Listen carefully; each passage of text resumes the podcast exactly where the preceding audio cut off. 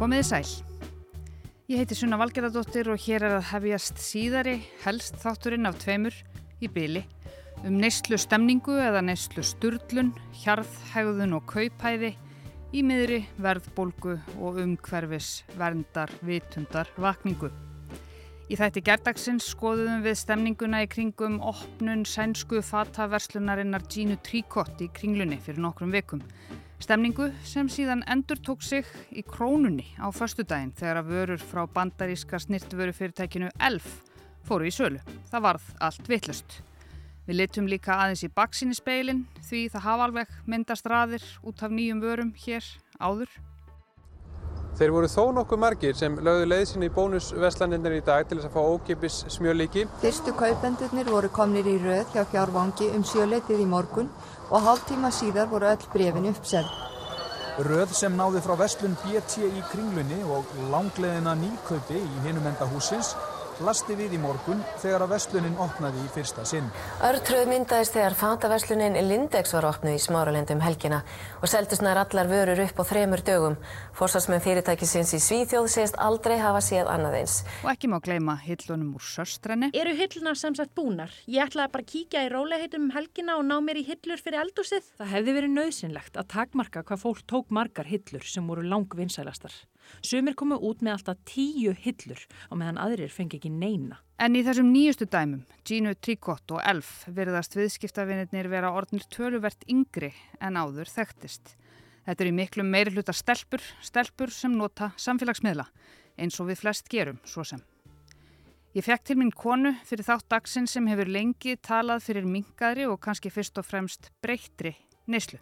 Ég heiti Rakel Garðarsdóttir Ég er framlegandi hjá Vestuporti en er líka mikil áhuga manneski um að nýta allt betur og þá sérstaklega kannski tíman sinn sem þetta leiðir allt til en ég stopnaði samtök sem þetta Vakandi. Rakel stopnaði Vakandi fyrir rúmlega tíu árum síðan og snýrust samtökinn fyrst aðalega um baráttu og vitundarvakningu gegn matarsón. Og benda á hvað er fáralegt að henda mat í heiminum og það hefur bara leitt til þess að, að í grunninn er bara fáralegt að, að sóa og þetta hérna, kemur allt niður á því sama sem er offramleysla mm. út af því að ykkur þarf að græða.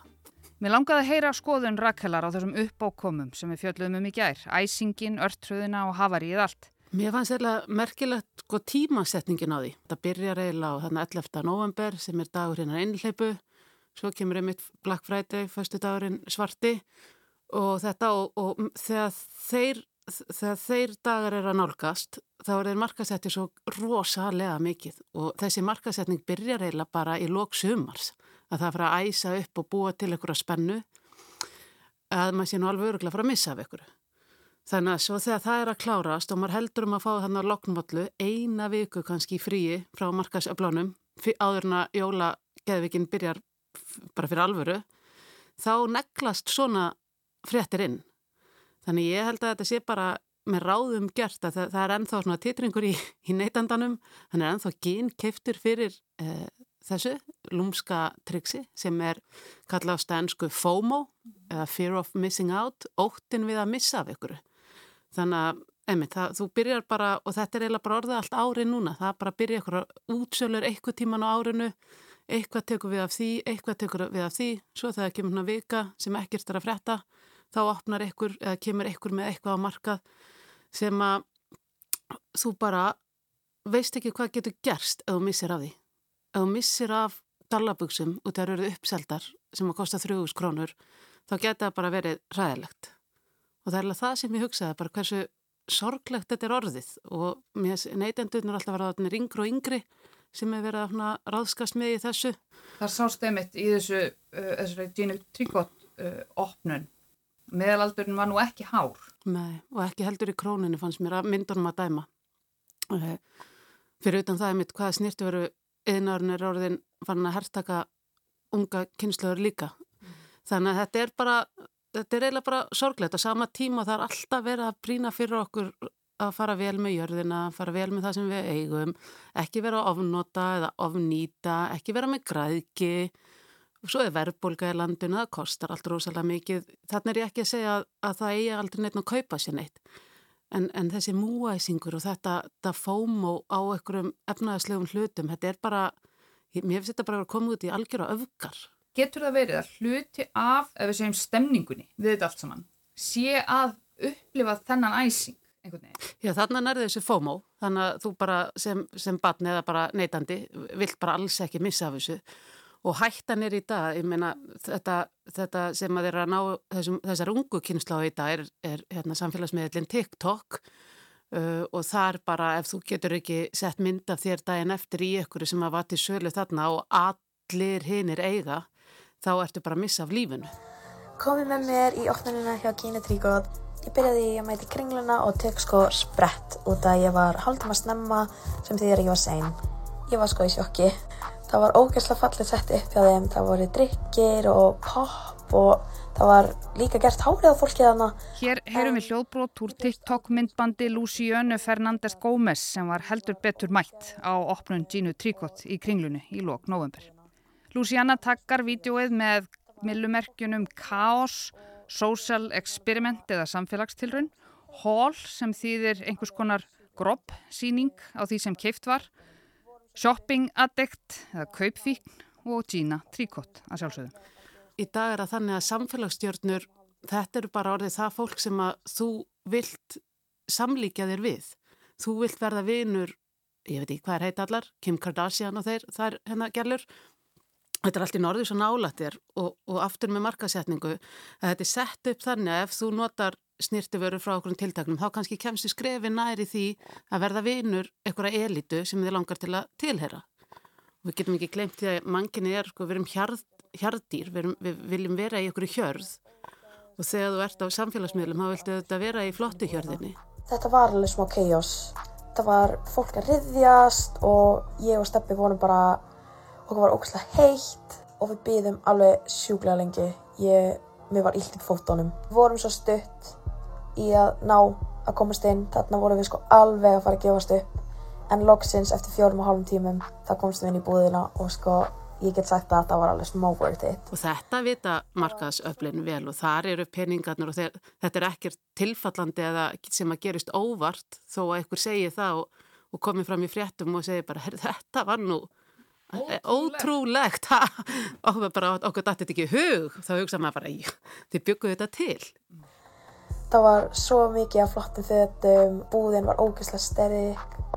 Og áðan ég fór heim þá snúði ég hjólinu og við önnum smakja ábreyð. Það er um að tilheyra, er þetta, snýst þetta um það líka bara, eða kannski ekkert líka, kannski bara grunnurinn af þessu öllu saman, snýst þetta um þessa grunnþörf mannskeppnunar og kannski ekki síst hvenna tilheyra?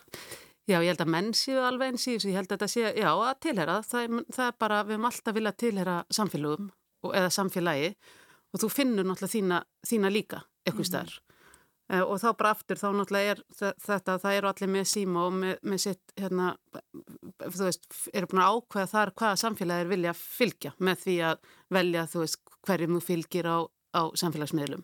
Þá býrðu þið til svolítið þinn hóp, þú veist, út frá því hverju áhuga á öðru Þannig að þá er algoritmin líka bara búin að velja fyrir því hvað þú farið að sjá og, og hvað gerist og, og þarna bara er mjög auðvelt að ná í risastóran hóp og, og búa til múaðising með þessu óttanum að, að vera að missa af ykkur. Þetta er mm. langt í frá eitthvað nýtt en, en það er bara tólin og tækin orðin bara miklu miklu sterkari.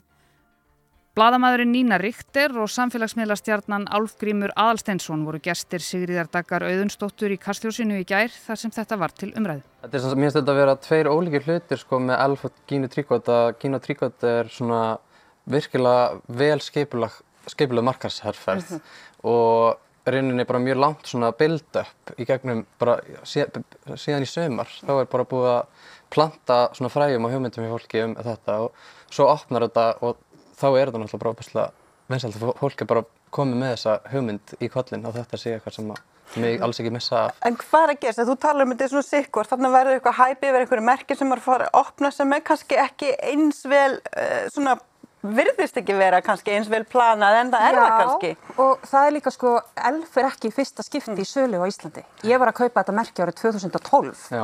í einhverju lítilli verslunum stóri síðumúlanum sko, þannig að það er kannski bara framsetningin er önnur og þarna eru líka samfélagsmiðlar að spila alveg rosalega stórt hlutverk. Já, og elf er náttúrulega mjög vinsall í bandaríkjónum mm -hmm. og þetta er, þú veist, eitthvað sem kemur frá Ameríku og við Íslandingar erum náttúrulega bara mjög upptekinn af því sem að kemur frá Ameríku. Við erum alltaf Mhm, mjög fljótast já. eitthvað til ef eitthvað ameríst er komið. Alveg eins og bara í gamla dagarna þegar Dunkin Donuts opnaði Já. og þetta er að sama með veist, þær eru búin að vera mjög lengi, veist, hjá amerískum áhrifavöldum uh, vinsalar og þannig um leið og þú veist, það þarf ekki nema eina mennsku til að segja frá því að þetta sé komið til Íslands til að bara allir stökkvi á. En Stendur. hvað er það sem gerist? Það því að nú sjáum við bara, uh, einmitt, þú veist, þetta- eins og þú talar um, þetta er aðalega á TikTok. Um, er eitthvað ákveðið umhverju að vera, eitthvað ákveðið, ákveðina stjörnur, eitthvað ákveðið hæp. Hvað gerist í svona, til þess að, að svona takist í rauninni? Þetta er náttúrulega bara stöðu umfjöllin og fólk er sítengt með síman og fylgist með öllu og það, við erum með þessa áhrifavalda sem eru með þessar vörur í höndunum og maður er bara síf, í sífellu uh, að færa þessar upplýsingar bara sífellt. Þú veist, þannig að maður er all, alltaf bara, já, þetta er það sem ég á að kaupa næst. Algjörlega. Og svo er það líka þetta eh, þegar við teljum okkur trúum að við sem að missa af ykkur þá allt í raun fyrir við að sjá þennan hlut allstaðar. En í rauninni þá uh, samfélagsmiðlar eru náttúrulega kerðir áfram að, af reikniritum, algoritmum og þeir eru ekkert endilega að skilja á milli þess hvað er þú að vera forvitin eða hvenar hefur raunverulegan áhuga. Þannig að þú færð í rauninni um leið og horfir á eitt myndband til enda, þá allt í rauninu hugsar hugsar algoritminn, herru, þetta er, þetta er það sem hún vil sjá.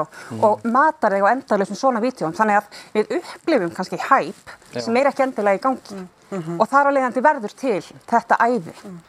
Þarna heyrðum við brot úr Kastljósi gerkvöldsins, þau Nína Ríkter bladamaður og Álfgrímur Aðalsteinsson sviðslistanemi og áhrifavaldur voru gestir Sigriðar Dagar og þetta er allt saman aðgengilegt á internetinu eins og flest sem framleitt er hér. En gefum Rakel orðið að nýju. Það er svo auðvelt í dag að ná til, til fólks. Einu sinni þurft að bera út flæra í, í, í, hús en þú gast samt ekki, þú vissir ekkit alveg hvort að nágræniðin ætlaði að fá þér sér það sama. Skilur það ekki fyrir nú sást blóma og sann kannski glukkanum hjá honum.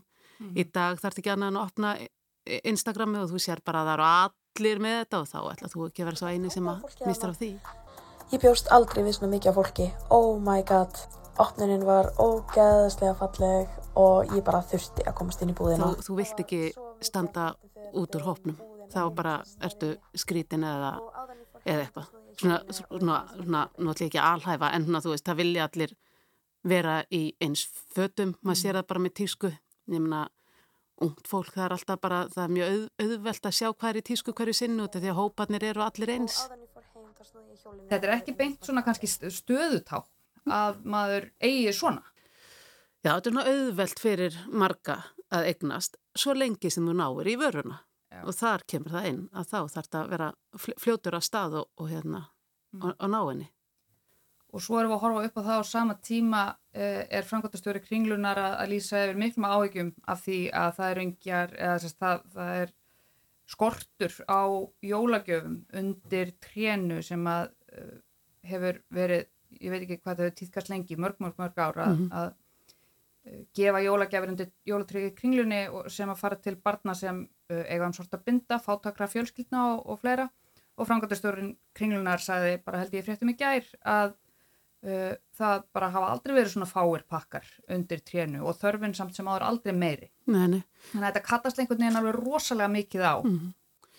Já, kannski erum við bara of egocentrísk. Er þetta bara eitthvað svona frumskóra lögumál, hver fyrir sig? Geti trúið því og það er náttúrulega með oft svona hérna, að þetta bara með, með, allt, með, með alla ofneyslu þá snýr þetta ofta að egonu og, og græðki og þú ert alltaf að vona og haldi vonina sko einhver annar gerir það fyrir þig.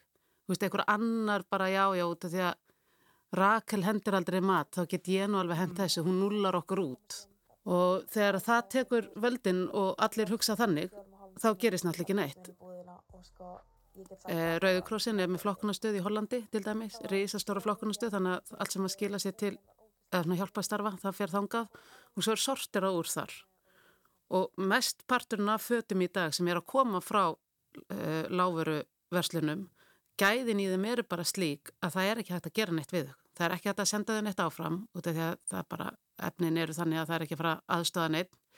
Það er ekki hægt að endurvinna þau út af því að þau eru, sko, efnin eru einhverjum blöndum sem að bara endurvinnast ekki. Þau eru, ekki, þau eru svo langt í frá hrein. Það vil eiginlega enginn kaupa það áfram út af því eftir að þú ert búin að vera í þeim tvísar þá bara, það er náttúrulega ekkit snið á þessu eða neitt, þannig að þetta er bara úr sér gengið, einnota. Þannig að þetta er eiginlega bara einnota drastl sem að gefur kannski einhverjum eina kvöldstund af gleði Og það er aftur þetta með þetta egocentríska og það er alltaf verið að tala um þetta. Það er búið að vera að tala um þetta lengi. Að einnóta fött séu ekki góð, ekki fyrir þig, ekki fyrir umhverfið, ekki fyrir neitt. En þetta verðist bara auka og íta undir söluna. Öll umfjöllun eigur á sölu. Mm. Og það er eða fyrðulega í þessu öllu saman. Þannig að þá spyr maður sér hvað getur maður gert? Já, þá er búið að lítið hægt að gera nefna bara, maður verður þá bara að treysta þá sem eru að opna búðir og eru að framlega född og eru að gera annað að þeir bjóðu okkur, neytund, okkur neytundum upp á vöru sem hægt er að treysta. Það er svo erfitt fyrir neytandan að það er okkur, opnar okkur búð að það er okkur búð í kringlunni eða hvar sem er og það verður að marka sér alveg massíft fyrir þig að kaupa þetta en að þú er eitthvað með einn að standa upp á móti þessu risa öflum og, og segja, nei, ég ætla nú ekki að láta mig glebjast. En það er allt gert til þess að þið langi í þennan kjól sem er í glugganum og svo er hann að þannig verða að skiptið ekki máli. Kostar svo lítið, verður svo flott í honum í kvöld. Allt þetta.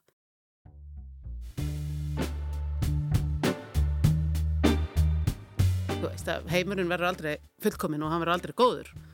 En það verður kannski hægt að finna meira balans þannig á milli. Mér er mjög erfitt að velja gott sem neytandi í dag. Mér er mjög erfitt að finna eitthvað sem er svona í alvörunni með hjarta og bara ég veit bara að sé ekki að skada of mikið með því að kaupa það. Ég, ég myndi vilja sjá miklu, miklu meira af, af þannig frambóði. Þetta var Rakel Garðarsdóttir, stopnandi og forsvarskona samtakana Vakandi og áhuga kona um breyta neysluhegðun. Ég heiti Sunna Valgerðardóttir og þakk ykkur fyrir að leggja vel hlustur í dag í þessum síðari þætti af tveimur um hjarðeðlið okkar og þörfina fyrir að tilheyra, nánast hvað sem það kostar. Þetta helst verður svo aftur hér á sínum stað á morgun.